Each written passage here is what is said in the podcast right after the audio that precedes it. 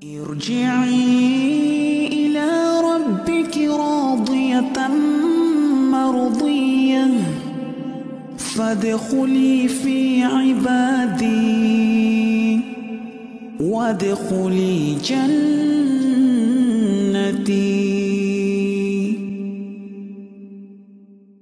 kepada Ustadz Abdullah Taslim Habisallahu Ta'ala. Tafadol Ustadz. Assalamualaikum warahmatullahi wabarakatuh. Alhamdulillah. Alhamdulillah hamdan kathiran tayyiban mubarakan fih. Kama yuhibbu rabbuna wa yardah. Wa ashadu an la ilaha illallah wahdahu la sharika lah. Wa ashadu anna muhammadan abduhu wa rasuluh. Allahumma salli wa sallim wa barik ala nabiyyina Muhammad wa ala alihi wa sahbihi wa man tabi'ahum bi isanin ila yaumiddin amma ba'du. Alhamdulillah Ma'asyiral muslimin, ma'asyiral ikhwah wal akhwat fid din rahimakumullah. Para ikhwan dan akhwat serta kajian sahabat ilmu Darmais yang semoga senantiasa dirahmati oleh Allah Subhanahu wa taala. Saat ini alhamdulillah kita bertemu kembali di dalam majelis ilmu yang mulia dengan taufik dari Allah Subhanahu wa taala untuk melanjutkan kajian kita membahas kitab yang sangat bermanfaat kitab Fikul Asmaul Husna fikih memahami nama-nama Allah Subhanahu wa taala yang maha indah buah karya dari Syekh kita Syekh Abdul Razak bin Abdul Muhsin Al-Badr hafizahumullah taala. Kita masih melanjutkan pembahasan nama Allah Subhanahu wa taala Ar-Rahman dan Ar-Rahim. ya. Yang mana sudah kita ketahui Ar-Rahman dan Ar-Rahim ini adalah sifat Allah Subhanahu wa taala yang berhubungan dengan rahmatnya yang maha sempurna, yang maha luas dalam namanya Ar-Rahman. Adapun Ar-Rahim artinya rahmat yang Allah Subhanahu wa taala berikan khusus kepada hamba-hamba yang beriman. Maka tentu saja ya pembahasan tentang nama Allah Subhanahu wa taala ini sangat dinanti-nantikan oleh orang-orang yang beriman karena rahmat Allah Subhanahu wa taala merupakan ya dalam hal ini rahmat yang khusus merupakan sebab keberuntungan dan kebahagiaan kita di dunia dan di akhirat nanti. Baik, barakallahu fikum kita lanjutkan kembali membaca penjelasan Syekh Abdul Razak tentang pembahasan ini. Beliau berkata fahiya rahmatun la yu'abbaru anha lisanun la yu'abbiru anha lisanun yamunnu biha arhamur rahimin wa yatafaddalu biha man wasi'at rahmatuhu kulla syai' ala ibadihil. Maka ini adalah rahmat yang ya tidak bisa diungkapkan dengan lisan. Tidak bisa dinyatakan dengan lidah manusia karena agungnya, karena sempurnanya. Allah berikan sebagai karunia Allah yang maha penyayang berikan sebagai karunia sebagai keutamaan ya dari Allah Subhanahu wa taala yang maha luas rahmatnya kepada hamba-hambanya yang beriman. Allah Subhanahu wa taala berfirman di surat Al-A'raf ayat 156. A'udzu. Wa rahmati wasi'at kulla dan rahmatku meliputi segala sesuatu. Ini rahmat yang bersifat umum. Ya. Semua makhluk mendapatkannya. Fasa aktubuha lilladzina yattaquna. Kemudian rahmat, rahmatnya yang khusus maka aku akan tetapkan bagi orang-orang yang bertakwa wa yu'tuna zakata orang-orang yang menunaikan zakat walladzina hum biayatina yu'minun dan kepada orang-orang yang beriman kepada ayat-ayat kami. Al-A'raf 156. Jamaah sekalian rahimakumullah. Ma'asyiral ikhwah wal akhwat serta kajian sahabat ilmu Darmais rahimakumullah. Wafakakumullah li ta'atihi. Ketika kita mendengarkan ayat seperti ini, pasti yang tergerak di hati kita ya sebagai orang yang beriman kepada Allah Subhanahu wa taala mengimani kesempurnaan sifat-sifatnya adalah pengharapan kan? Ya. Motivasi untuk kita memiliki sifat ini karena ternyata sifat inilah yang mendatangkan rahmat Allah Subhanahu wa taala yang bersifat khusus. Aku akan tetapkan rahmatku ini bagi orang-orang yang bertakwa. Berarti orang yang bertakwa ini menjadikan kita semangat untuk meraih ketakwaan. Wa yu'tuna zakata dan orang-orang yang menunaikan zakat dan orang-orang yang mereka beriman kepada ayat-ayat kami. Subhanallah, demikian indahnya keimanan yang benar menjadikan kita mengarahkan pengharapan kita kepada Allah Subhanahu wa taala, mengusahakan sebab-sebab yang mendatangkan rahmat Allah dan sikap kita, semangat kita mempelajarinya, memahami ayat-ayat yang menjanjikan yang di situ Allah menjanjikan rahmatnya kita pahami dengan benar kemudian kita rahmat kita harapkan rahmat Allah Subhanahu wa taala ini menjadikan kita insya Allah ya mendapatkan kesempatan dari Allah Subhanahu wa taala untuk bisa meraih rahmatnya yang agung ini. Sekarang Ma'asyiral ikhwa wal akhwat fiddin rahimakumullah, kita ketahui sehubungan dengan pembahasan rahmat Allah ini ada orang-orang yang menolak rahmat Allah. Mengingkari rahmat sebagai sifat Allah. Ya, naudzubillah min dzalik. Kita bayangkan saja sesuatu yang kita harapkan, yang kita usahakan, kita inginkan setiap orang yang beriman. Bahkan kita tahu ya, orang yang mengharapkan rahmat Allah saja belum tentu mendapatkannya. Karena mungkin dia melakukan hal-hal yang menjadikan dia tidak mendapatkan tidak memiliki sifat untuk mendapatkan rahmat Allah. Ada orang yang menolak rahmat Allah. Siapa mereka? Orang-orang ahlul bidah dari kalangan orang-orang yang mendewakan akalnya mereka mengatakan rahmat tidak pantas bagi Allah. Ayat Al-Quran yang demikian banyak hadis-hadis Rasulullah Sallallahu Alaihi Wasallam. Bahkan Rasulullah Sallallahu Alaihi Wasallam bersabda, Ya Ya Qayyum birahmatika astaghithu. Wahai Allah yang maha hidup, yang maha berdiri sendiri. Dengan rahmatmu aku mohon pertolongan. Mereka mengatakan sifat rahmat tidak pantas bagi Allah. Kenapa alasannya? Katanya akal tidak menunjukkannya. Subhanallah. Ya, ini kedustaan. Kedua, Rahmat katanya mengandung makna kelemahan atau makna rikoh, ya, kerapuhan hati. Kita katakan, kalau ini makna rahmat untuk makhluk, maka Allah subhanahu wa ta'ala sifatnya tidak sama dengan makhluk. Karena Allah subhanahu wa ta'ala berfirman tentang dirinya, Laisa kamitslihi syai'un wa huwa sami'ul basir. Allah subhanahu wa ta'ala tidak ada satu makhluk pun yang serupa dengannya. Dan dia maha mendengar lagi maha melihat. Walam yakun lahu kufuwan ahad. Dan tidak ada satu makhluk pun yang setara dengan Allah Subhanahu wa taala. Yang sebanding dengan Allah Subhanahu wa taala. Jadi kita artikan rahmat sesuai dengan kebesaran dan keagungan Allah. Kita katakan rahmat ini adalah rahmat yang tidak sama dengan rahmat yang ada pada makhluk. Kita wajib menetapkannya tanpa menyerupakannya dengan makhluk, tanpa membagaimanakannya, tanpa menolak sifat ini dan tanpa menyelewengkan menyelewengkan maknanya. Lagi pula secara akal pun ini ditunjukkan. Akal menetapkan adanya rahmat Allah Subhanahu wa taala. Ya, sudah kita baca kemarin. Berbagai macam kebaikan yang Allah turunkan kepada hamba-hambanya. Rezeki yang halal, kebaikan-kebaikan berupa kesehatan badan kita, kemudian sebab-sebab kelangsungan hidup, ya, makanan, minuman, bernafas dengan udara dan seterusnya. Ini adalah rahmat Allah Subhanahu wa taala. Turunnya hujan, kemudian bencana-bencana yang Allah palingkan, seorang yang tadinya sakit kemudian Allah sembuhkan. Ini bukankah ini adalah bukti-bukti adanya rahmat Allah Subhanahu wa taala dan itu merupakan sifat kesempurnaannya. Jadi Ikhwan dan akhwat fiddin rahimakumullah. Di sinilah kita renungkan pentingnya kita belajar akidah salaf. Pentingnya kita belajar pemahaman akidah ahlu sunnah wal jamaah. Sehingga sifat-sifat yang agung seperti ini kita bisa imani dengan benar. Dan dengan mengimaninya dengan benar, insya Allah kita berpeluang untuk mendapatkannya. Coba bayangkan orang yang menolaknya. Bagaimana dia akan dapatkan keutamaan yang dia sendiri menolaknya. Bagaimana dia akan mendapatkan kemuliaan dari Allah sementara dia sendiri mengingkari kemuliaan tersebut.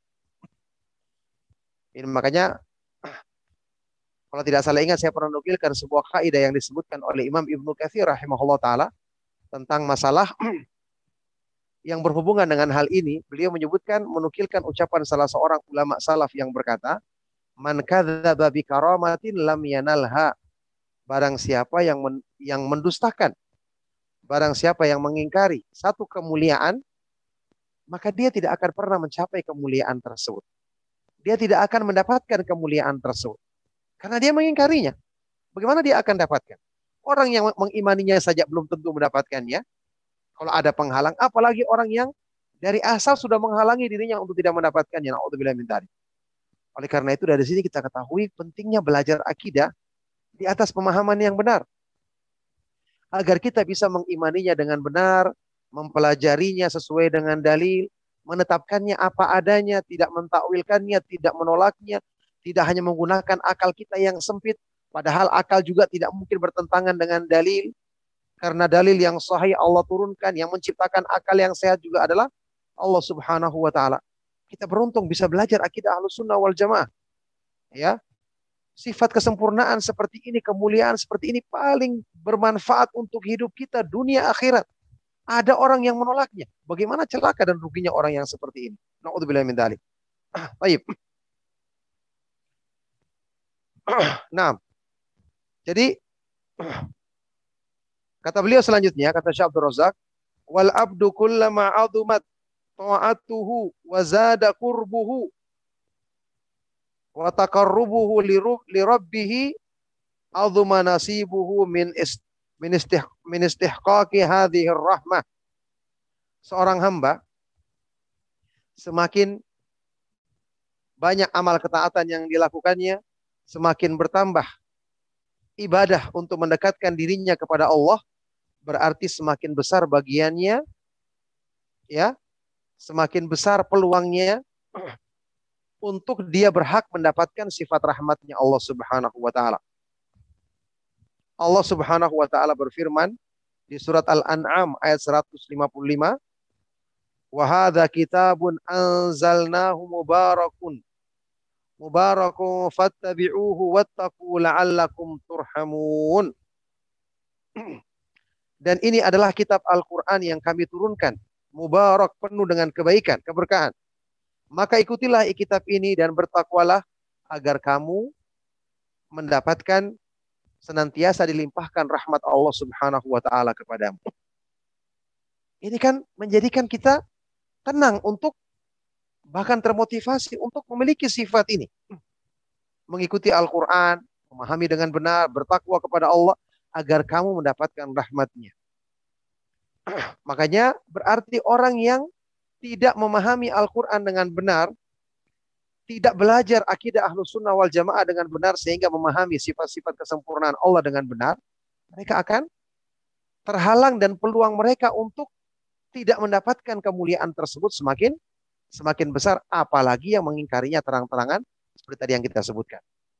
Maka ini subhanallah kita bersyukur ya mendapatkan hidayah dari Allah Subhanahu wa taala mengenal jalan Islam, mengenal jalan sunnah Rasulullah Sallallahu alaihi wasallam, mengetahui pemahaman para sahabat, kita bisa memahami sifat-sifat Allah Subhanahu wa taala benar-benar sesuai dengan tuntutan hati kita, sesuai dengan akal yang sehat, tidak ada yang kita tolak, Masya Allah hamba yang menerima Islam dengan lapang seperti ini. Bukankah ini adalah ciri-ciri orang yang mendapatkan hidayah yang sempurna dari Allah Subhanahu wa taala. Famay yuridillahu ayyahdiyahu yashrah sadrahu lil Islam. Maka barang siapa yang Allah kehendaki untuk Allah berikan hidayah kepadanya, Allah jadikan hatinya lapang menerima Islam. Tidak ada penolakan, tidak ada upaya untuk menyelewengkan maknanya. Lapang hatinya. Ini ciri-ciri orang yang Allah kehendaki baginya hidayah yang sempurna.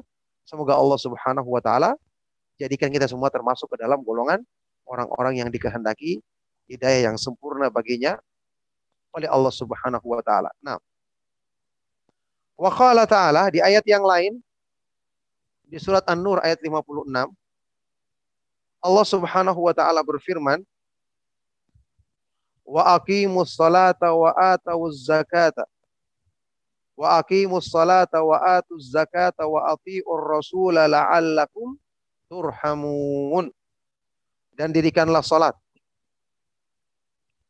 Wa atuz zakat, tunaikanlah zakat dan taatlah kepada Rasul sallallahu alaihi wasallam agar kamu senantiasa mendapatkan rahmat Allah Subhanahu wa taala. Ini yang kita usahakan. Mendirikan sholat dengan benar, menunaikan zakat, mengikuti ittiba kepada sunnah Rasulullah SAW. Ini menjadikan seorang hamba ya dijanjikan Allah Subhanahu wa taala turunkan kepadanya rahmatnya, rahmatnya yang dikhususkan bagi hamba-hamba yang dipilihnya. Berikutnya di surat Al-A'raf ayat 56. Inna rahmatallahi qaribum minal muhsinin. Sesungguhnya rahmat Allah dekat dengan orang-orang yang berbuat ihsan, berbuat kebaikan. Ini juga menjadi motivasi kita untuk memiliki sifat ini. ya. Ayat sebelumnya tadi yang di atas fasa aktubu halil ladzina yattaqun. Aku akan tetap tetapkan rahmatku ini bagi orang yang bertakwa. Ini semua ayat-ayat seperti ini ya. Kalau kita baca dan renungkan harusnya menjadi motivasi bagi kita untuk memiliki sifat-sifat ini agar kita dekat dengan rahmat Allah Subhanahu wa taala, ya. Rahmat Allah dekat dengan orang-orang yang berbuat ihsan. Kita tahu ihsan maknanya itu ada dua, ihsan kepada Allah maknanya seperti yang disebutkan di dalam hadis sahih riwayat Imam Muslim, hadis Jibril ketika malaikat Jibril bertanya kepada Rasulullah Shallallahu alaihi wasallam, maka Rasulullah SAW menjawab, ihsan adalah anta budallaha ka'annaka tarahu fa illam takun tarahu fa innahu yarak. Kamu beribadah kepada Allah Subhanahu wa taala seolah-olah kamu melihatnya. Kalau kamu tidak melihatnya maka sesungguhnya Allah Subhanahu wa taala Maha melihatmu, Maha mengawasi perbuatan perbuatanmu. Ini makna ihsan kepada Allah. Tingkatan yang paling tinggi di dalam Islam. Adapun ihsan yang kedua adalah ihsan kepada sama makhluk, yaitu badlun nada, mencurahkan kebaikan, selalu berbuat baik, wakaful adha, menahan keburukan, mencegah diri jangan berbuat buruk kepada orang lain, wa talaqatul wajhi dan berjumpa dengan orang lain dengan wajah berseri-seri. Inilah perbuatan ihsan. Inilah yang kita usahakan agar kita dekat dengan rahmat Allah Subhanahu wa taala sebagaimana yang Allah janjikan di ayat ini.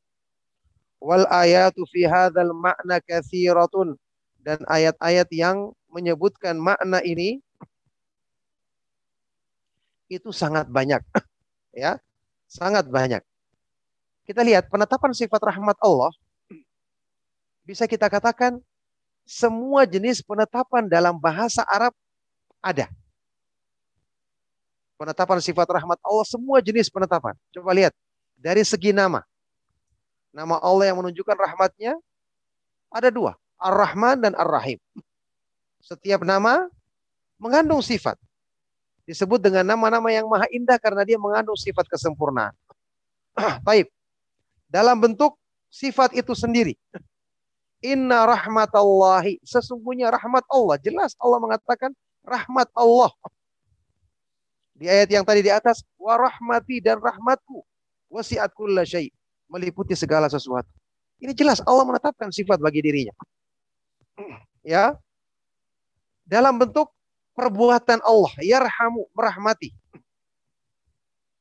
banyak hadis-hadis yang menunjukkan demikian ya innama yarhamullahu min ibadihi ar-ruhama. Sesungguhnya Allah Subhanahu wa taala hanyalah merahmati di antara hamba-hambanya ar-ruhama orang-orang yang penyayang dalam bentuk perbuatan kata kerja. Yarhamu. Bahkan dalam Al-Quran disebutkan wahwa arhamur rahimin. Dan dialah yang paling merahmati di antara orang-orang yang merahmati. Masya Allah, semua bentuk penetapan secara bahasa menetapkan tentang sifat rahmat Allah Subhanahu wa taala ini bersamaan dengan itu masih ada orang-orang yang yang kemudian menolak dan memalingkan makna rahmat Allah Subhanahu wa taala ini dari makna yang sesungguhnya. Tentu saja mereka-mereka yang menolak ini ada yang beralasan mereka mengatakan rahmat di sini maksudnya bukan rahmat tapi iradatul in'am. Iradatu al-in'am atau iradatul ihsan. Maksudnya adalah kehendak Allah berbuat baik. Kehendak Allah memberi nikmat. Jadi mereka mengartikan rahmat ini harus dibawa kepada makna kehendak. Kita katakan ini muter-muter. Al-Quran tidak diturunkan untuk membingungkan. Apalagi tentang sifat-sifat Allah harusnya ini semakin jelas.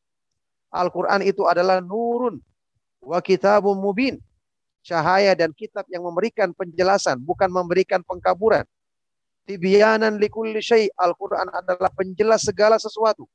Bagaimana mungkin Al-Quran menggunakan bahasa-bahasa yang diungkapkan begini maksudnya kalimat yang lain atau makna yang lain. Tidak mungkin. Al-Quran diturunkan bilisanin Arabi mubin dengan bahasa Arab yang jelas agar kita bisa memahaminya. Nah, jadi inilah ya tentang makna rahmat Allah Subhanahu wa taala yang kita harus artikan sesuai dengan apa yang dituju dalam bahasa Arab. Ya kita katakan Allah Maha Pengasih, Maha Penyayang, tapi kita katakan kasih sayang Allah dan penyayangnya Allah tidak kasih sayang Allah Subhanahu wa taala dan penyayangnya Allah tidak sama dengan apa yang ada pada makhluk. Karena sifat makhluk sesuai dengan keterbatasannya, adapun sifat Allah Subhanahu wa taala sesuai dengan kemahaagungan dan kemahatinggiannya. Baik, kata Syekh selanjutnya, wallahu azza wa jalla arhamu bi ibadihi minhum ba'dihim bi ba'd mahma ala qadru rahmatihi mahma ala qadru rahmati wa tarahumi bainahum. Dan Allah Subhanahu wa taala lebih penyayang terhadap hamba-hambanya ketika mereka menyayangi satu sama lainnya bagaimanapun tingginya kadar rahmat dan kasih sayang di antara mereka. Tidak ada yang melebihi rahmatnya Allah Subhanahu wa taala. Makanya itu makna wa huwa arhamur rahimin. Dan Allah Subhanahu wa taala yang paling penyayang di antara orang-orang yang menyayang. Makhluk juga memiliki sifat kasih sayang. Ibu sayang kepada anaknya, anak sayang kepada ibunya, suami dan istri, anak dan orang tua dan yang lainnya.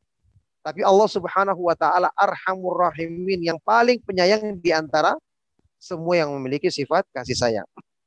Kita lihat di sini contohkan. Fafis sahihaini an Umar bin Khattab radhiyallahu anhu annahu qala maka dalam sebuah hadis yang diriwayatkan oleh Imam Al-Bukhari dan Muslim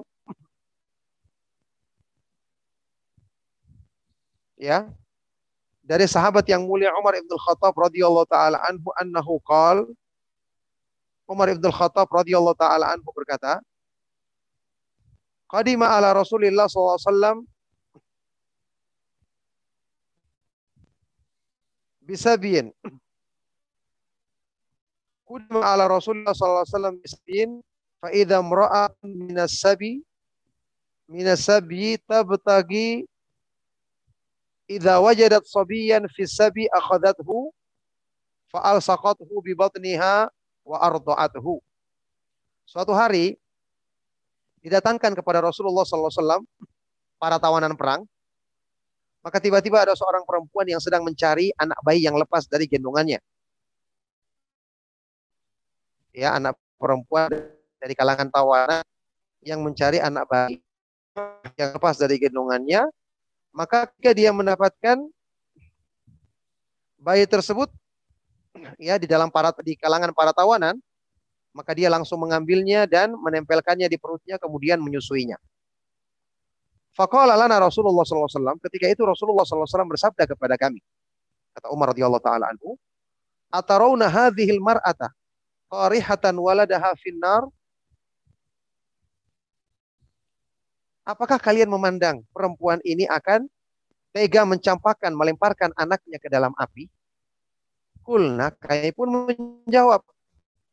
Para sahabat menjawab, radhiyallahu taala anhum, la wallahi wa hiya takdiru alla ala alla tatrahahu. Tidak demi Allah. Ya. Demi Allah. Dia tidak akan melakukan hal tersebut, tidak akan melemparkan anaknya ke api. Faqala Rasulullah SAW, ketika itu Rasulullah SAW bersabda, Lallahu arhamu bi'ibadihi min hadhihi biwaladiha. Sungguh-sungguh Allah lebih sayang, lebih mengasihi hamba-hambanya dibandingkan sayang, kasih sayangnya ibu ini terhadap anak bayinya tersebut. Coba lihat. Bukankah membaca hadis ini membangkitkan optimis kita dengan rahmatnya Allah Subhanahu wa taala yang kita yakin lebih daripada dosa-dosa yang kita perbuat. Ya. Bagaimana agama Islam menyebutkan tentang rahmat Allah Subhanahu wa taala dalam banyak contoh. Orang yang berbuat dosa selama 10 tahun misalnya, apakah dia harus bertobat 10 tahun? Tidak. Sekali dia bertobat dengan sungguh-sungguh, maka Allah Subhanahu wa taala akan menghapuskan dosa-dosanya. Ya. Makanya Allah Subhanahu wa taala menggandengkan sifat rahmat di dalam salah satu ayat Al-Qur'an wa rahimun wadud. Dan dia maha penyayang lagi maha mencintai hamba-hambanya. Ketika Allah Subhanahu wa taala melimpahkan rahmatnya kepada hamba-hambanya, maka ini merupakan sebab hamba ini akan meraih kecintaan dari Allah Subhanahu wa taala. ya. Di ayat yang lain wahwal ghafurul wadud dan dia maha pengampun lagi maha mencintai hamba-hamba yang beriman. Maksudnya orang yang telah berbuat salah, berbuat dosa, kalau dia sungguh-sungguh bertobat, maka Allah Subhanahu wa taala setelah menerima tobatnya mengampuni dosa-dosanya, maka Allah Subhanahu wa taala akan mencintainya. Ini rahmat yang sangat luas. Pernah ada sahabat Nabi Shallallahu alaihi wasallam sebelum masuk Islam dia bertanya tentang kebaikan-kebaikan yang dilakukan lakukannya di masa lalu di masa jahiliyah. Apakah diterima setelah dia masuk Islam? Tentu saja hukum asalnya karena kebaikan ini dilakukan tanpa dasar iman, maka dia tertolak. Seandainya dia tidak masuk Islam, tidak akan dinilai sama sekali. Tapi ketika itu, ya, rahmat Allah Subhanahu wa taala yang maha, maha luas dalam hadis riwayat Imam Muslim ini Rasulullah SAW bersabda, "Aslam ta'alama aslafta minal khair." Kamu berislam di atas kebaikan-kebaikan yang kamu lakukan di waktu yang lalu. yakni setelah kamu masuk Islam, kebaikan-kebaikan itu akan diperhitungkan dan bernilai pahala di sisi Allah Subhanahu wa taala. Allahu akbar. Rahmat yang maha luas, yang maha besar. Ya, rahmat yang sempurna. Menjadikan orang-orang yang beriman selalu bersandar kepada rahmat Allah Subhanahu wa taala, tidak berputus asa dari, rahmatnya selama dia bersungguh-sungguh menjalankan agamanya. Kalau dia tergelincir atau berbuat salah, dia bersungguh-sungguh bertobat dan kembali kepada Allah Subhanahu wa taala. Semoga Allah Subhanahu wa taala memudahkan taufiknya untuk memahami makna rahmat Allah Subhanahu wa taala yang khusus ini, kemudian kita selalu berusaha melakukan sebab-sebab untuk mendapatkannya. Baik.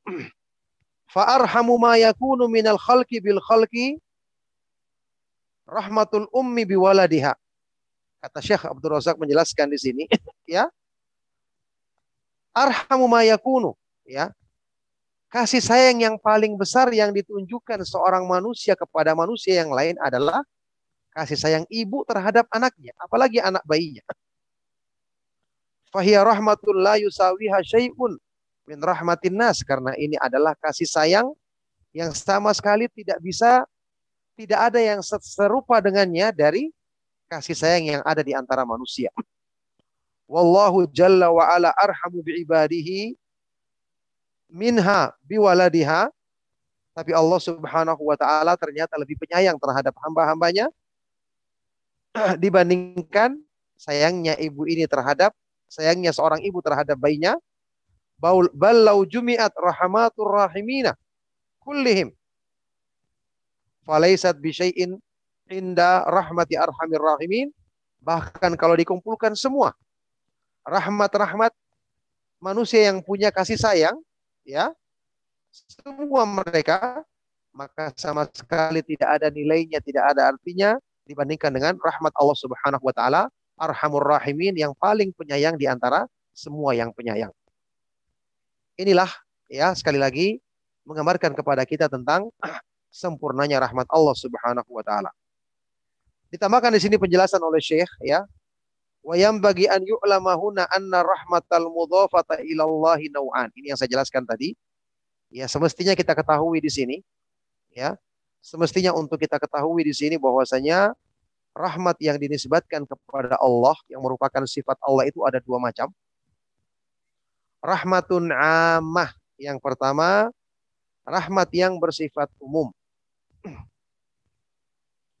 Wahiyallati qaranaha bil ilmi. Inilah rahmat yang Allah gandengkan dengan ilmunya, pengetahuannya.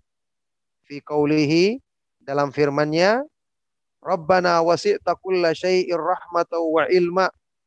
Wahai Rabb kami, Engkau meliputi segala sesuatu dengan rahmat dan ilmumu.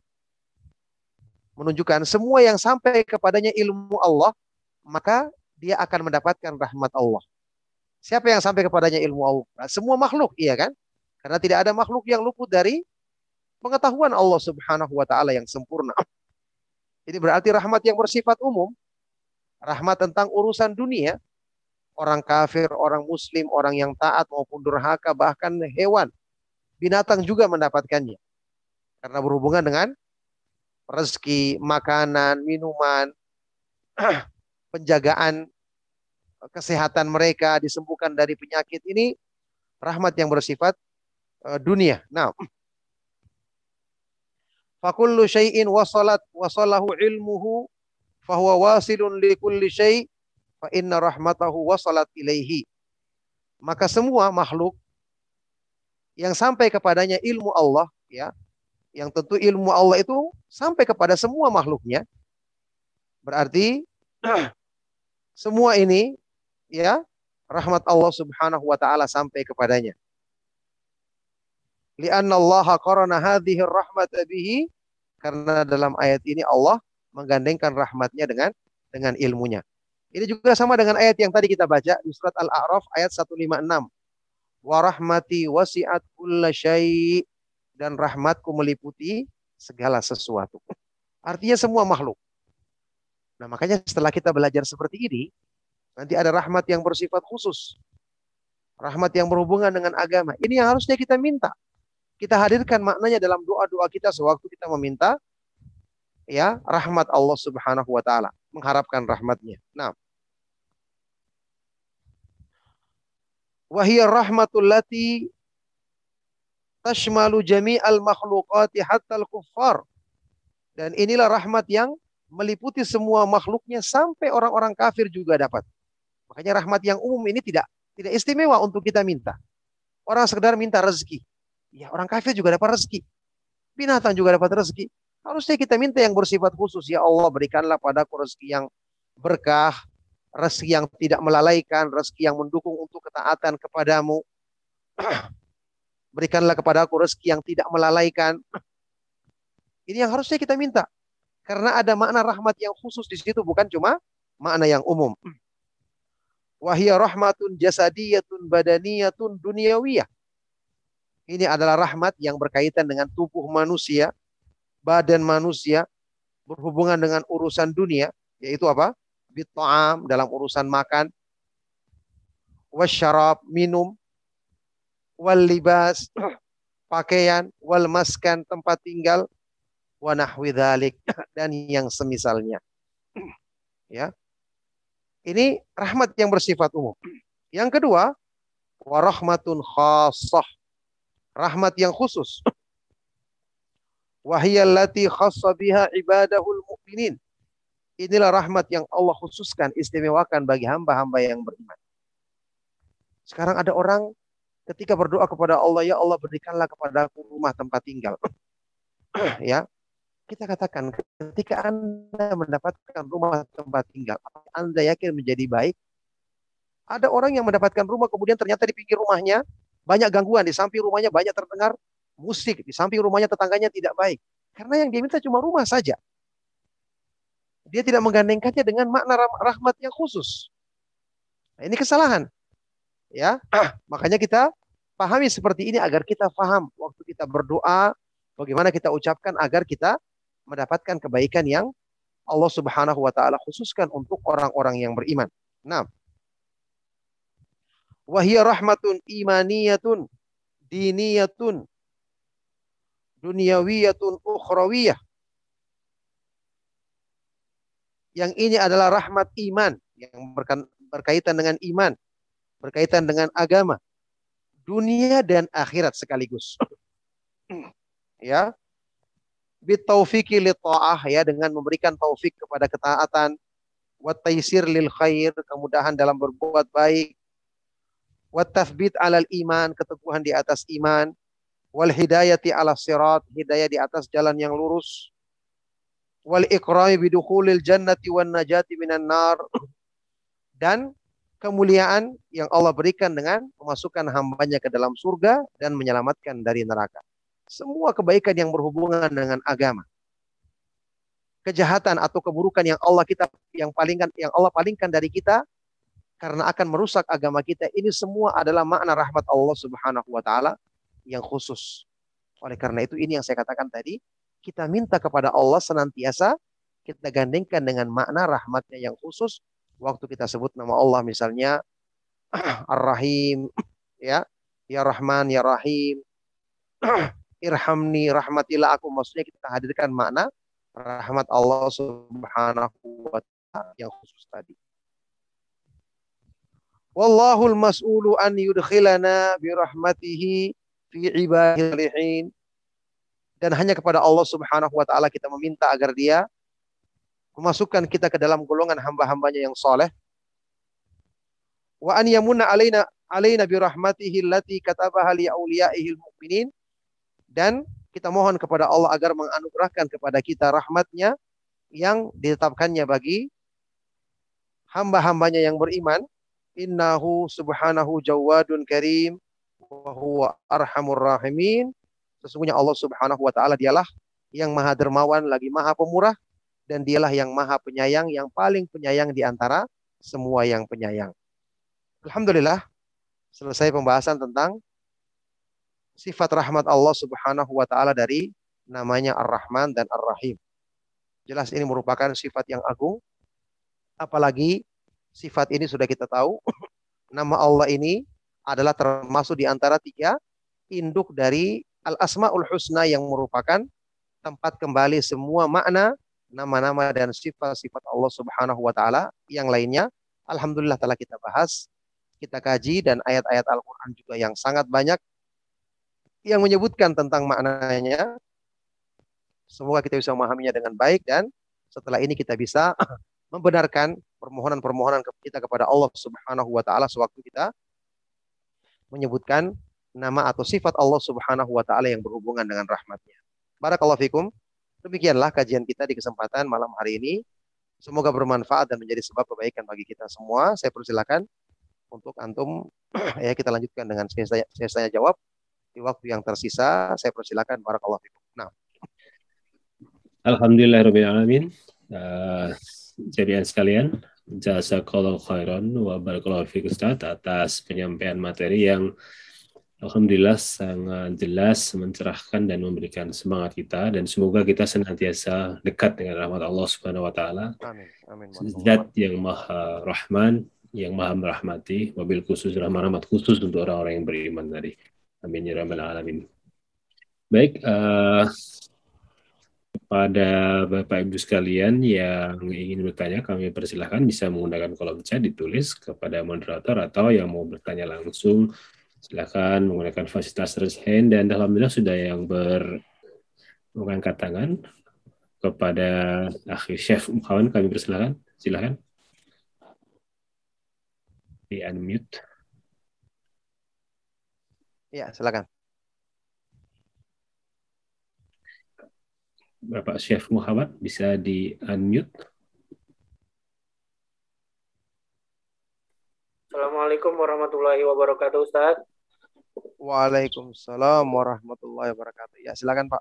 Ada pertanyaan Ustadz. Yang pertama tentang hadis yang mengatakan Inna rahmati taklibu godobi. Jadi rahmatku mendahului dari kemurkaanku.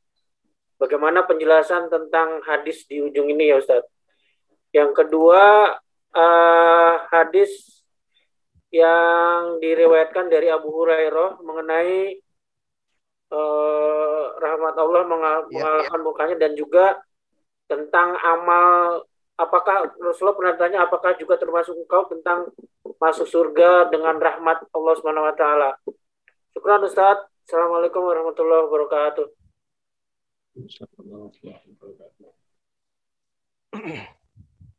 Iya, barakallahu fikum. Pertanyaan sangat baik sekali dari beliau yang bertanya. Semoga Allah Subhanahu wa taala senantiasa melimpahkan rahmatnya kepada antum dan kepada kita semua.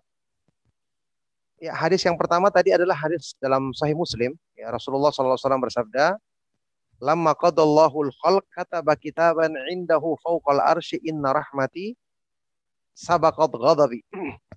Ketika Allah Subhanahu wa taala menuliskan ketentuan menetapkan ketentuan makhluknya Allah menulis sebuah ketetapan di atas di di atas arsnya di sisinya sesungguhnya rahmatku inna rahmati sabaqat ghadabi mendahulukan mendahului kemurkaanku atau taglibu ghadabi mengalahkan kemurkaanku.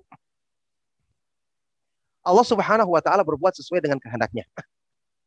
Ketika Allah menginginkan misalnya ingin murka ingin mengadab semua makhluknya ingin berbuat apa saja tidak ada yang bisa mencegah tidak ada yang bisa mencegah. Tapi Allah Subhanahu wa taala dengan kehendaknya dia menjadikan rahmatnya mengalahkan kemurkaannya.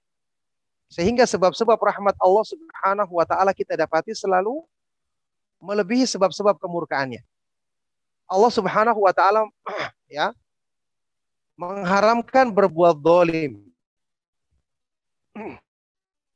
Dalam hadis Bukhari Allah Subhanahu wa taala berfirman, hadis kursi ya inni haramtu dzulma ala nafsi wa ja'altuhu bainakum muharraman fala tadhalamu. Sesungguhnya aku mengharamkan sifat zalim bagi diriku kata Allah. Dan aku jadikan zalim ini menganiaya ini di, di antara kamu diharamkan maka janganlah kalian saling menganiaya. Allah ketika ingin berbuat apa saja kan tidak ada yang bisa mencegah tapi Allah haramkan dirinya berbuat zalim makanya memperlakukan hambanya dengan adil. Sungguh rahmatku mendahului kemurkaanku. Banyak kita dapat contohnya. Hadis yang sebut saya sebutkan tadi dalam Sahih Muslim, ketika Rasulullah SAW bersabda, ya, aslam ta alama aslam ta alama aslaf minal khair. Kamu berislam di atas kebaikan-kebaikan yang kamu lakukan di waktu lalu. Masuk Islam kebaikan-kebaikannya dihitung. Dosa-dosanya apakah ikut? Jawabannya tidak. Dosa-dosanya yang mestinya orang kafir ya, Dosa-dosanya jelas, dosa-dosa kelas berat. Berbuat syirik, berbuat kufur, meskipun ada kebaikannya. Tapi kebaikannya dihitung, dosa-dosanya tidak. Ya, al-Islamu tajubu maqablah. Islam itu ya jubu maqablah, menghapuskan semua dosa-dosa yang lalu. Subhanallah. Kayak tadi orang yang bertobat. Bertobat sekali sungguh-sungguh sampai pun dia berdosa sekian lama. Ketika dia bertobat sekali saja maka Allah Subhanahu wa taala ampuni dosa-dosanya. Rasulullah SAW pernah bersabda, Ata ibu minadan bikaman ladan balahu. Orang yang telah bertobat dari perbuatannya, seperti orang tidak pernah berbuat sama sekali.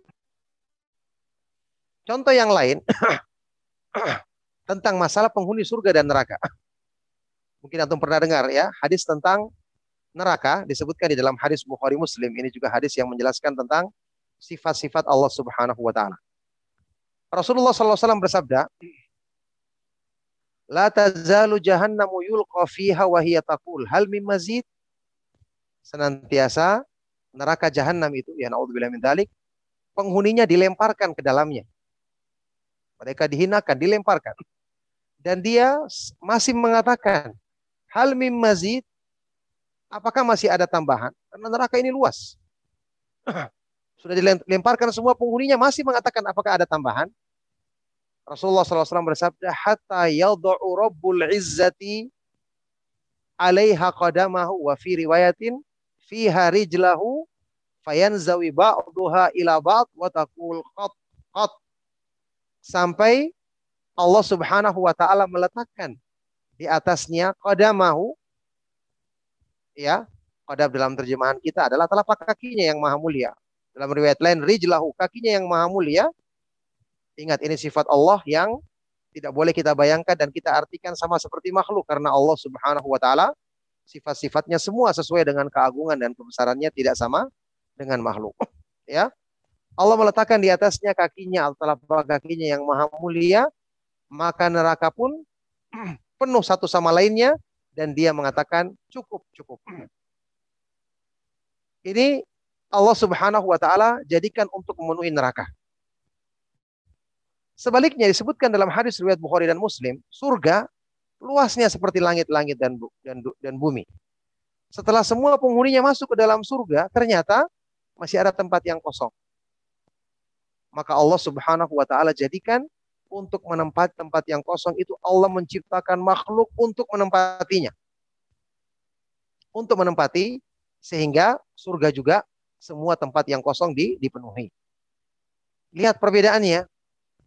Untuk kebaikan surga, Allah bisa menempatkan hamba-hamba yang tidak melakukan kebaikan diciptakan langsung menempatinya. Sementara untuk neraka, ketika untuk memenuhi neraka yang masih kosong, Allah Subhanahu wa taala tidak menciptakan makhluk untuk diazab dalam neraka karena mereka tidak berhak untuk mendapatkan azab. Tapi untuk kebaikan mereka tidak berhak tapi Allah berikan karena rohnya rahmatnya Allah Subhanahu wa taala. Makanya ini contoh menjadikan kepada kita memberikan pengertian kepada kita bahwa Allah Subhanahu wa taala benar-benar Arhamur Rahimin. Yang paling penyayang di antara semua yang menyayangi. Orang yang berbuat, yang berniat melakukan kebaikan dapat pahala satu. Hadisnya sahih, ya kan kita tahu. Kalau dia berbuat kebaikan dapat pahala dilipat gandakan menjadi 10 sampai 700 kali lipat sampai berlipat-lipat. Al hasanatu bi asyrati amsalihha ila sab'i mi'ati dhifin ila adhafin katsirah. Itu kata Rasulullah SAW dalam hadis riwayat Imam Muslim. Satu kebaikan dilipat gandakan menjadi 10 sampai 700 kali lipat sampai berlipat-lipat lagi. Ini tentu tergantung dari keimanan dan keikhlasan seseorang. Tapi orang yang berniat keburukan, kalau dia lakukan hanya dapat dosa satu. Kalau dia tidak jadi melakukannya, maka dia tidak mendapatkan dosa. Bandingkan sebab rahmat Allah dan sebab kemurkaannya berarti Allah Subhanahu wa taala benar-benar menepati janjinya bahwa dia menjadikan rahmatnya mendahului atau mengalahkan kemurkaannya. Itu hadis yang pertama. Hadis yang kedua tadi kalau tadi disebutkan maknanya ya kalau tidak salah itu maksudnya adalah hadis yang beliau sebutkan tadi riwayat Abu Hurairah. Tadi juga agak putus-putus saya dengarnya. e, kalau tidak salah itu maksudnya adalah hadis ketika Rasulullah Shallallahu Alaihi Wasallam bersabda, "Lan yanjua ahadum minkum bi a'malihi." Atau dalam riwayat lain, lan yadkhula ahadum minkumul jannata bi a'malihi. Tidak ada seorang pun di antara kamu yang selamat dari neraka atau yang masuk surga dengan amal-amalnya. Akhirnya ada yang bertanya, "Wala anta ya Rasulullah?" Tidak juga engkau wahai Rasulullah? Maka Rasulullah SAW bersabda, "Wala ana illa an yataghammadani Allah bi rahmatin minhu wa fadl." Akan tetapi Allah Subhanahu tidak juga aku akan tetapi Allah Subhanahu wa taala senantiasa meliputiku dengan rahmat dan karunia-Nya. nah, ini hadis sahih riwayat Imam Muslim ya, hadis yang sahih menunjukkan bahwa amal manusia tidak bisa dijadikan alat tukar untuk masuk surga. Kenapa? Amal manusia banyak kekurangannya. Banyak kelalaiannya. Ya. Sehingga kalau seandainya dijadikan sebagai kayak tukaran begitu untuk masuk surga maka tidak bisa. Maka kita masuk surga adalah dengan rahmat dan karunia Allah Subhanahu wa taala. Disebutkan di dalam ayat-ayat Al-Qur'an misalnya orang yang berbuat baik surga mendapatkan surga jazaa'am bima kanu ya'malun sebagai balasan dari apa yang mereka kerjakan. Tangan. Di sini amal soleh itu adalah sebab untuk masuk surga tapi bukan pengganti sebagai alat tukar begitu. Bukan demikian. Dia hanya sebab. Ya, kita tahu yang namanya sebab kadang-kadang bisa membawa kepada uh, akibat atau hasil yang diinginkan ada kadang-kadang juga tidak. Ya, seandainya dia beramal tapi ternyata dia melakukan pembatal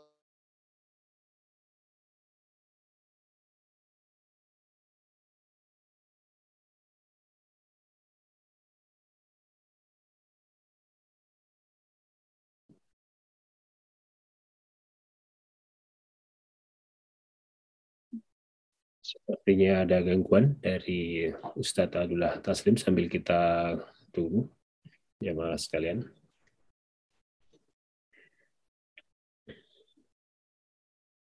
Mungkin karena situasi cuaca atau kondisi jaringan yang kurang baik di tempat Ustadz. Sambil kita tunggu juga sudah ada beberapa pertanyaan yang masuk di kolom chat nanti insya Allah akan kami bacakan.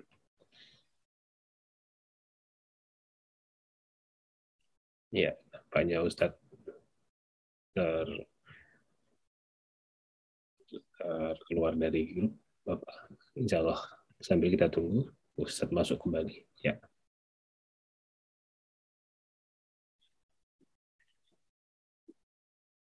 Ustadz sudah bersama kita. Assalamualaikum Ustadz. Ya.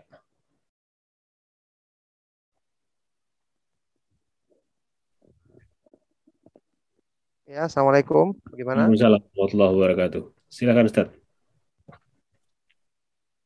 Ya, jadi kesimpulannya kita surga dan rahmat Allah Subhanahu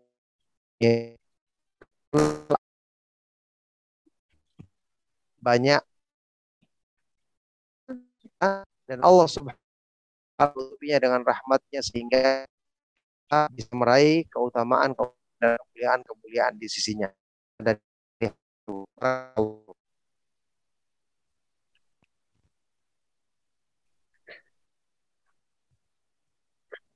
Ya, silakan pertanyaan berikutnya. Oh.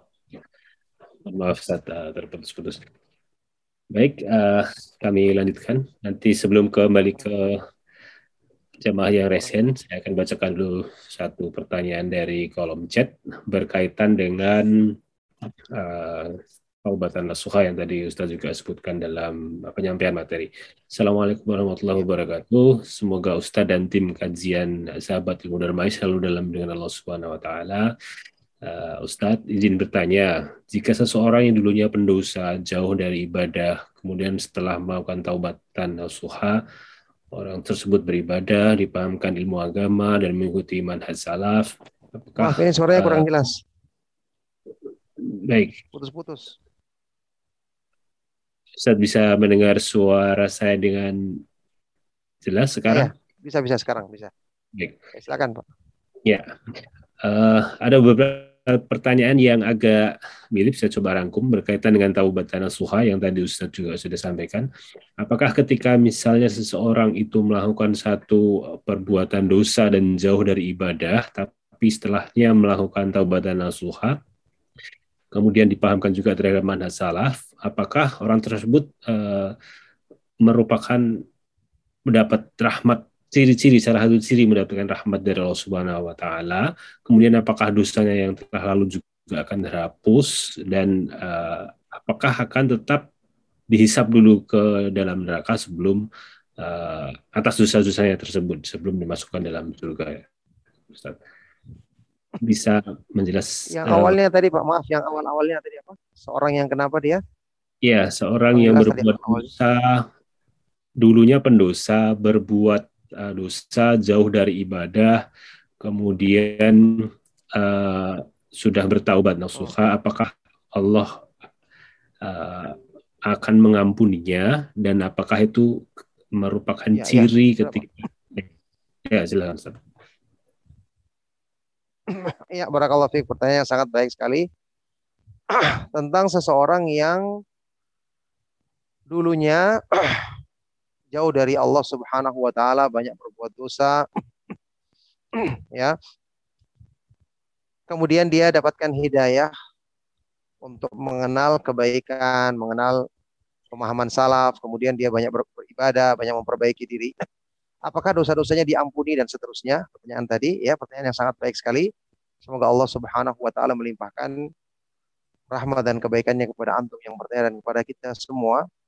Ya, kaidah umumnya orang yang telah bertobat dari perbuatan dosanya dengan sungguh-sungguh bagaimanapun banyaknya maka Allah Subhanahu wa taala menerima tobatnya selama tobatnya itu tobat yang benar, tobat nasuh. ya.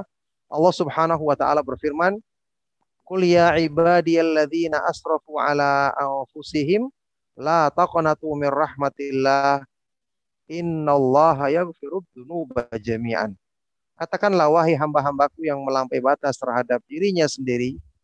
Janganlah kamu berputus asa dari rahmat Allah. Sesungguhnya Allah mengampuni semua dosa. Bagi orang yang bertobat dengan sungguh-sungguh. Jadi para sahabat radhiyallahu taala anhum ajma'in Kan kita tahu di antara mereka dulu banyak yang kafir, menyembah berhala, melakukan adat-adat kebiasaan-kebiasaan jahiliyah. Setelah mereka bertobat dengan sungguh-sungguh, Allah terima. Bahkan mereka menjadi generasi yang paling utama. Allah hapuskan dosa-dosa mereka. Inilah sebab rahmat Allah Subhanahu wa taala yang maha luas. Jika seorang bersungguh-sungguh untuk bertobat, ya, maka Allah Subhanahu wa taala akan menerimanya. Asal dia sungguh-sungguh dalam bertobat. Makanya setelah itu kita bertobatnya dengan sungguh-sungguh. Nanti di antara syaratnya tobat yang nasuha atau yang nasuh, ya. Tobat yang nasuh itu kita sobatnya dengan sungguh-sungguh, dengan ikhlas. Kita berusaha untuk memohon ampun kepada Allah dari semua dosa kita. Makanya kita sebutkan lafat-lafat yang disebutkan di dalam hadis yang sahih. Dosa yang besar, dosa yang kecil, yang kita ingat maupun tidak ingat, yang sengaja maupun tidak sengaja, dan semua. Nah, mengenai masalah uh, hisapnya Allah Subhanahu wa taala menyebutkan di dalam Al-Qur'an ada orang-orang yang dikatakan fasaufa yuhasabu hisaban yasira. Ada orang-orang yang diberikan hisap dengan ringan. Ini hamba-hamba Allah yang nanti pada hari kiamat hanya ditampakkan kepada mereka dosa-dosanya. Setelah mereka mengakui dosa-dosa itu,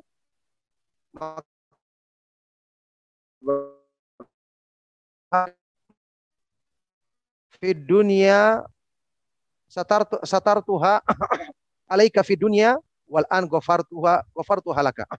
Sesungguhnya aku telah menutupi dosa-dosamu ini di dunia dan saat ini aku mengampuninya bagimu. Subhanallah. Ini gembira ini api yang ringan ya dan dengan itu dia akan gembira dengan rahmatnya Allah Subhanahu wa taala yang mengampuni dosa-dosa yang dilakukannya di dunia. Makanya selama kita berusaha memperbaiki diri, membenahi kesalahan yang lalu dan bertekad tidak mengulanginya, kemudian bersungguh-sungguh untuk meniti jalan Allah Subhanahu wa taala, maka dosa-dosa yang lalu akan diampuni oleh Allah Subhanahu wa taala. Itulah sebabnya Rasulullah Shallallahu alaihi wasallam dalam hadis Hasan riwayat Ibnu Majah pernah bersabda, Atta ibu minadzan kaman ladhan balahu. Orang yang telah bertobat dari perbuatan dosanya adalah seperti orang yang tidak pernah berbuat dosa sama sekali. Nah, barakallahu fikum. Waalaikumsalam. Kalau Alhamdulillah mudah-mudahan uh, menjawab pertanyaan dari Ustadz dan uh, mendapatkan kebaikan untuk kita semua. Selanjutnya saya teruskan ke Abu Zaki yang sudah resign. Kami persilakan untuk di-unmute. Silahkan Abu Zaki. Bisa di-unmute. Assalamualaikum. Waalaikumsalam warahmatullahi wabarakatuh. Assalamualaikum warahmatullahi wabarakatuh. Waalaikumsalam warahmatullahi wabarakatuh. Silakan. Ya, jazakallah atas waktu yang diberikan kepada kami. Uh, ada satu pertanyaan Ustadz mengenai hadis ini Ustadz eh, sesungguhnya kelak pada hari kiamat seseorang itu akan membawa pahala seperti gunung Tiamah. Akan tapi pahala tersebut akan hapus atau berterbangan. Kemudian ada seorang sahabat bertanya Rasulullah kenapa kok bisa terhapus uh, Kemudian Nabi mengatakan, e, dia adalah saudara kalian, dia sholat, kalian juga sholat, dia uh, dia puasa, kalian puasa. Tapi kalau dalam keadaan sendiri, dia melanggar keharaman Allah. Melanggar artinya melanggar yang Allah haramkan. Ya, pertanyaannya, maksud dari hadis ini bagaimana Ustaz? Apakah ketika kita melakukan kesalahan itu amal-amal kita tuh dihapus semua atau hanya hanya amalan yang kita lakukan pada hari itu ketika kita bermaksiat bermaksiat mohon penjelasannya Ustaz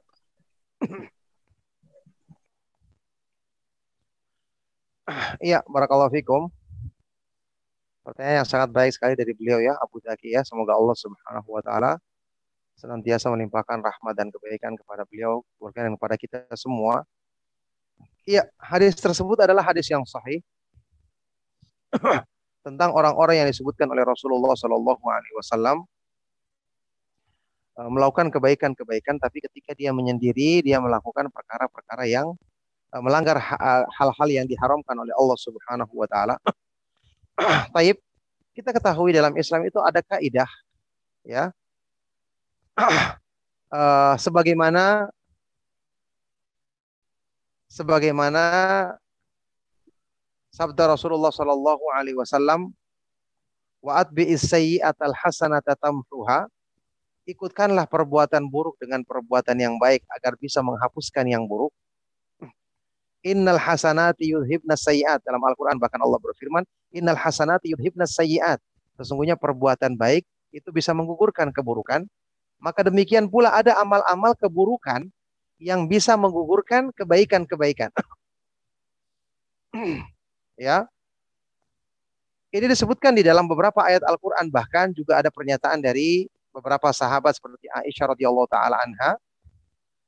Lihat ya yang disebutkan di dalam firman Allah Subhanahu wa taala di awal-awal surat Al-Hujurat Allah Subhanahu wa taala berfirman tahbata a'malukum wa antum la tash'urun karena itu akan bisa menggugurkan amal-amalmu dalam keadaan kamu tidak menyadarinya. Tentu saja di sini bukan semua amal yang gugur, karena yang menggugurkan semua amal itu hanya perbuatan syirik atau perbuatan kufur.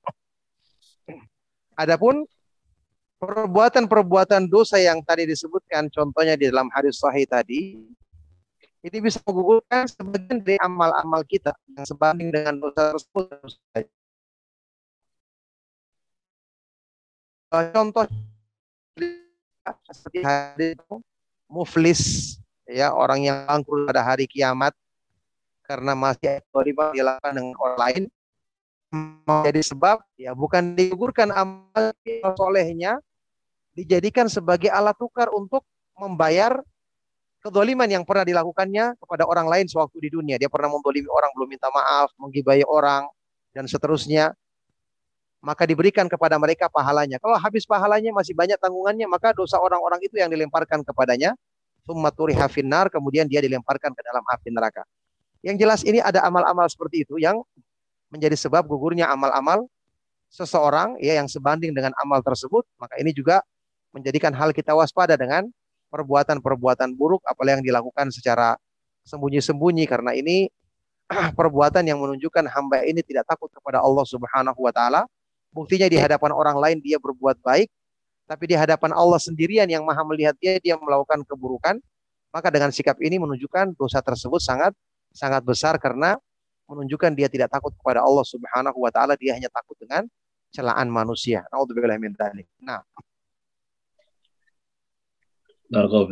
Alhamdulillah.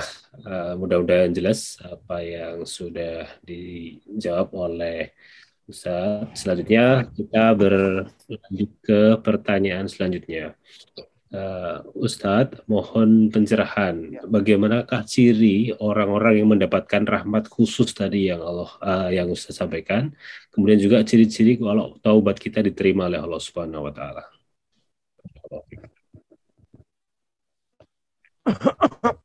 Iya, barakallahu fikum. Ciri orang yang mendapatkan rahmat Allah yang khusus tadi kan sudah kita sebutkan yang melakukan amal-amal yang di situ disebutkan sebab turunnya rahmat Allah yang khusus seperti ihsan yang tadi sudah kita sebutkan dua maknanya.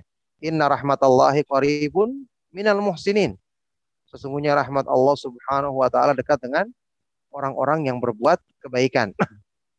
Wattaqullaha la'allakum turhamun. Bertakwalah kepada Allah agar kamu mendapatkan rahmatnya. Berarti sifat takwa ini kita mendapatkan rahmat Allah. Beriman dengan benar belajar tentang akidah yang benar tauhid ya. Karena Allah Subhanahu wa taala berfirman tadi wa kana bil mu'minina rahimah dan Allah Subhanahu wa taala memiliki sifat rahmat ya rahmat yang khusus terhadap orang-orang yang beriman.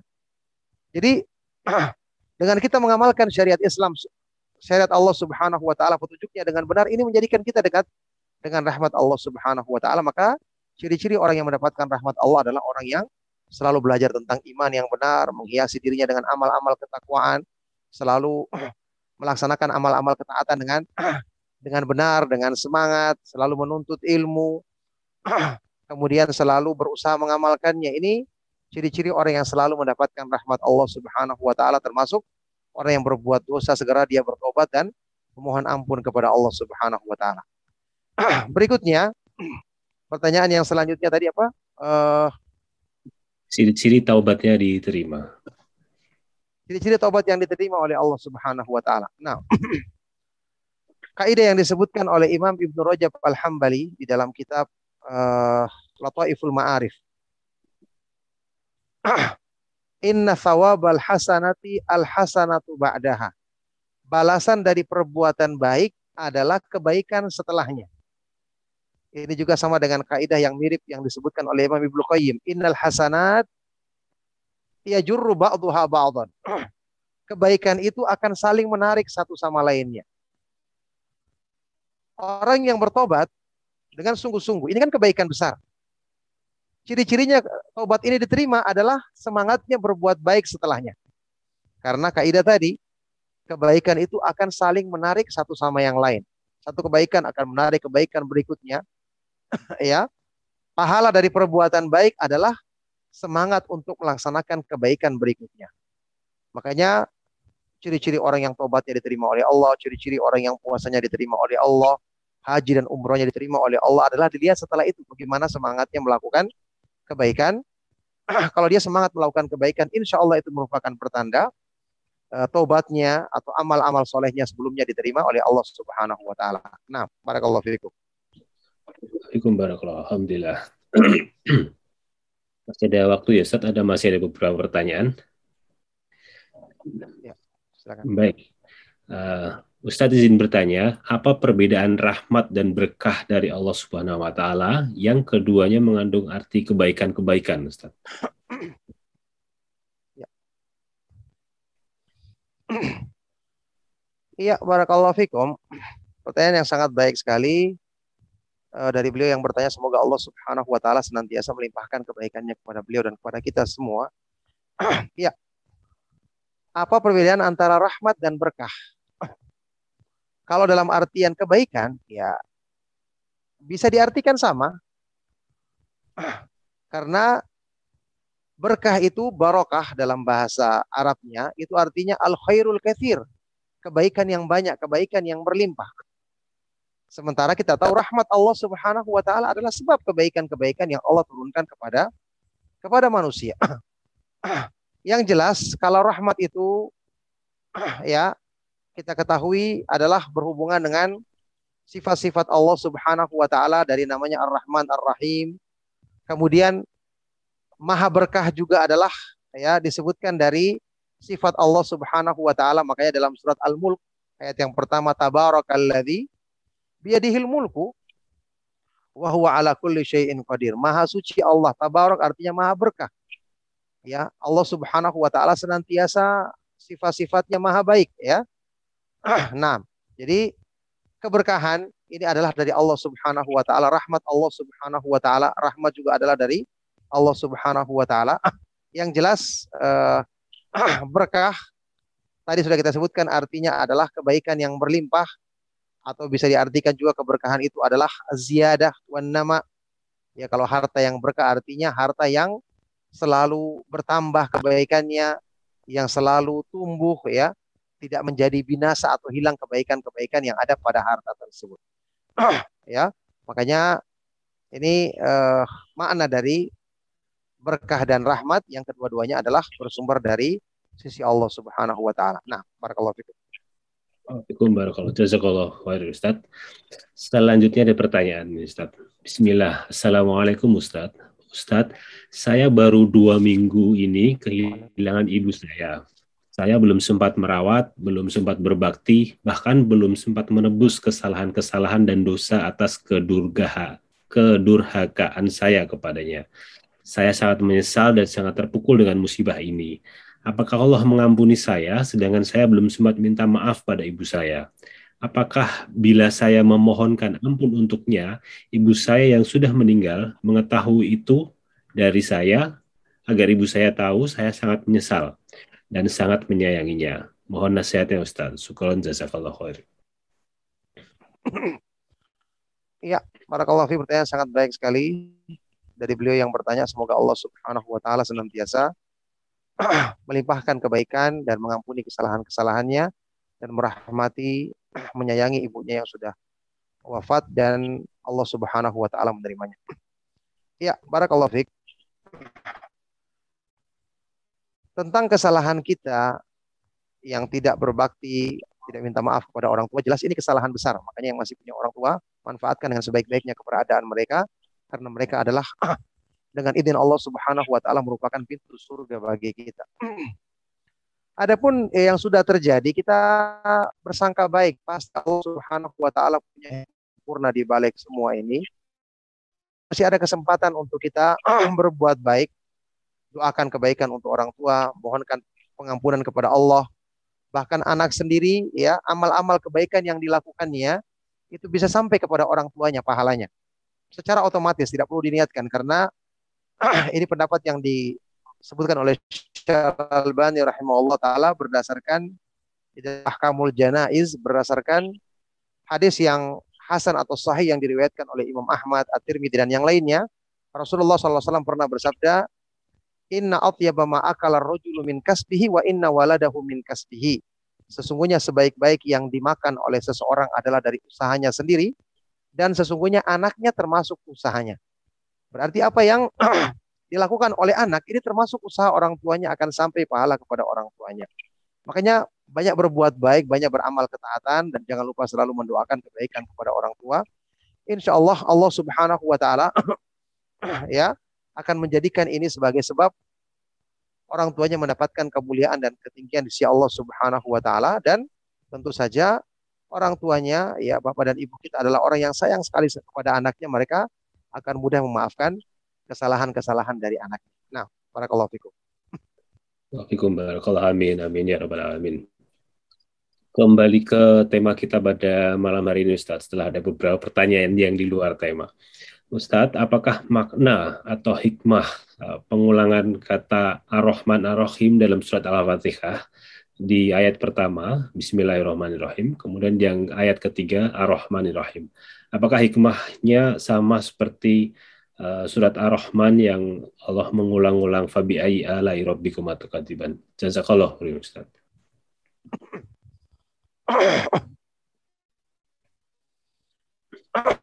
Ya. Barakallahu fikum. Uh, yang sangat baik sekali.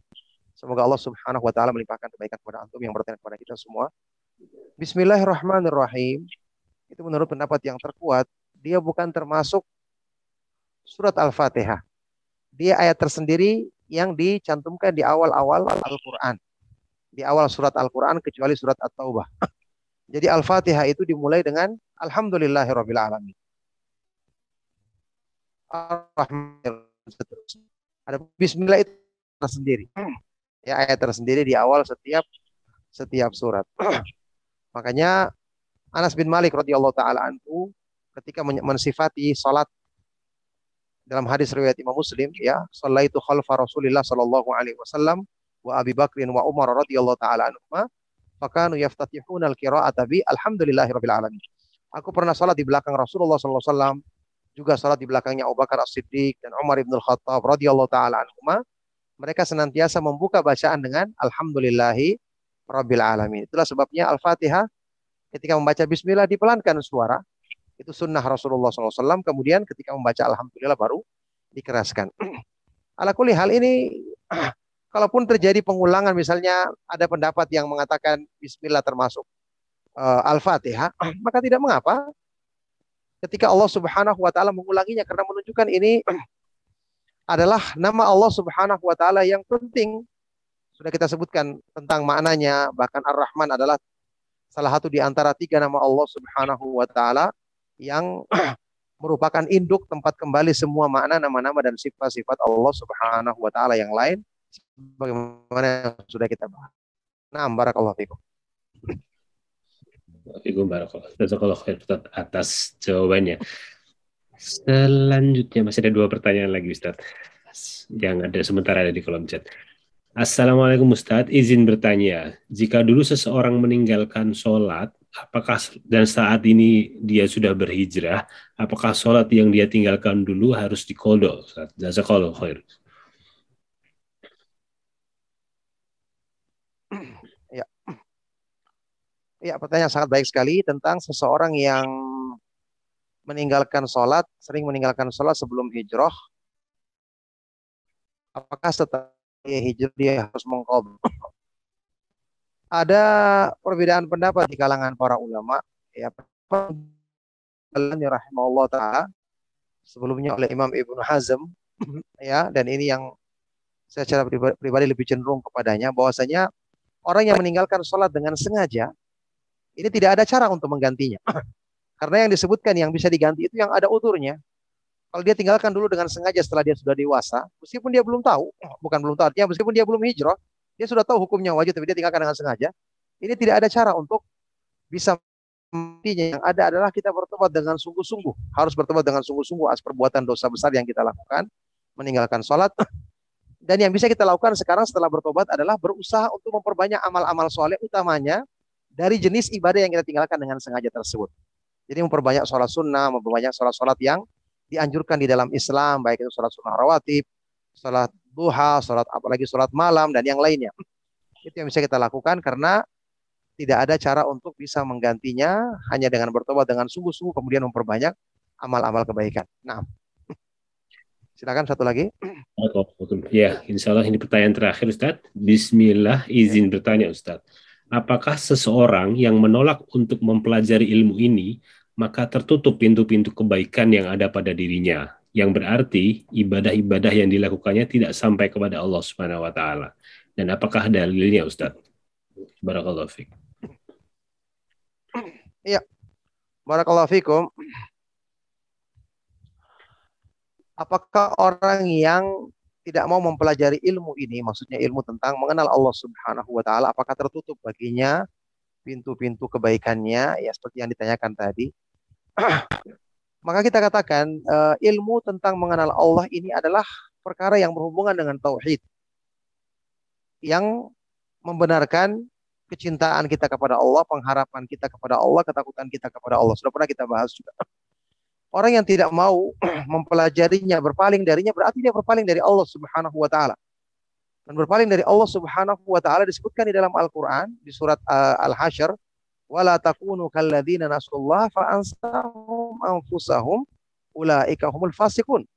Dan janganlah kau menjadi seperti orang-orang yang berpaling ya dari mengingat Allah, berpaling dari mengenal Allah, maka Allah jadikan dia lupa kepada dirinya sendiri. Ini juga menunjukkan uh, ancaman bagi orang yang tidak mau mempelajari yang berhubungan dengan mengenal Allah Subhanahu wa taala, maka Allah Subhanahu wa taala jadikan dia lupa kepada dirinya sendiri. Berarti keburukan akan menimpanya. Juga firman Allah Subhanahu wa taala di surat Al-Kahfi. Wala tuti' man aghfalna qalbahu an dzikrina wattaba'a hawahu wa kana amruhu furuto. Dan janganlah kamu mengikuti orang-orang yang kami lalaikan hatinya dari mengingat Allah, mengenal Allah, serta dia memperturutkan hawa nafsunya sehingga jadilah urusannya urusannya semua rusak. ya, urusannya semua buruk. Dari sinilah Syekhul Islam Ibnu Taimiyah rahimahullah taala pernah mengungkapkan sebuah ucapan yang pantas ditulis dengan tinta emas ya. Beliau mengatakan al mahbusu man hubisa qalbuhu wal ma'suru man asirahu hawahu. Al mahbusu man hubisa qalbuhu an bihi suruman asirahu hawahu. Orang yang terpenjara itu adalah orang yang terpenjara hati hingga tidak mengenal Robnya. Dan orang yang tertawan itu adalah orang yang ditawan oleh hawa nafsunya. Ini pernyataan yang menunjukkan kepada kita kalau terhalang hati dari mengenal Allah berarti terhalang hati dari semua kebaikan. Naudzubillah min ya, cuman tentu saja mungkin ada orang yang dia ya belum mempelajari ilmu ini karena Allah belum berikan taufik untuk dia mengetahui tentang pentingnya ilmu ini misalnya, tapi dia sudah belajar secara umum tentang iman, ya cuma dia belum mendalaminya, maka itu tentu berbeda dengan orang yang menolaknya atau sengaja berpaling darinya atau tidak memperdulikan memperdulikan ilmu tentang mengenal nama-nama dan sifat-sifat Allah Subhanahu wa taala yang maha tinggi dan maha besar ini. Para fikum. Inilah pertanyaan yang terakhir dan menutup perjumpaan kita di kesempatan malam hari ini. Mohon maaf atas segala yang salah dan kurang. Saya cukupkan. Sallallahu wasallam wa barak ala nabiyina Muhammad wa ala alihi wa sahbihi wa man tabi'ahum bi isan ila yaumiddin. Walhamdulillahi rabbil alamin. Subhanakallahumma wa bihamdika asyhadu an la ilaha illa anta astaghfiruka wa atubu ilaik. Wassalamualaikum warahmatullahi wabarakatuh. ارجعي إلى ربك راضية مرضية فادخلي في عبادي. وادخلي جنتي.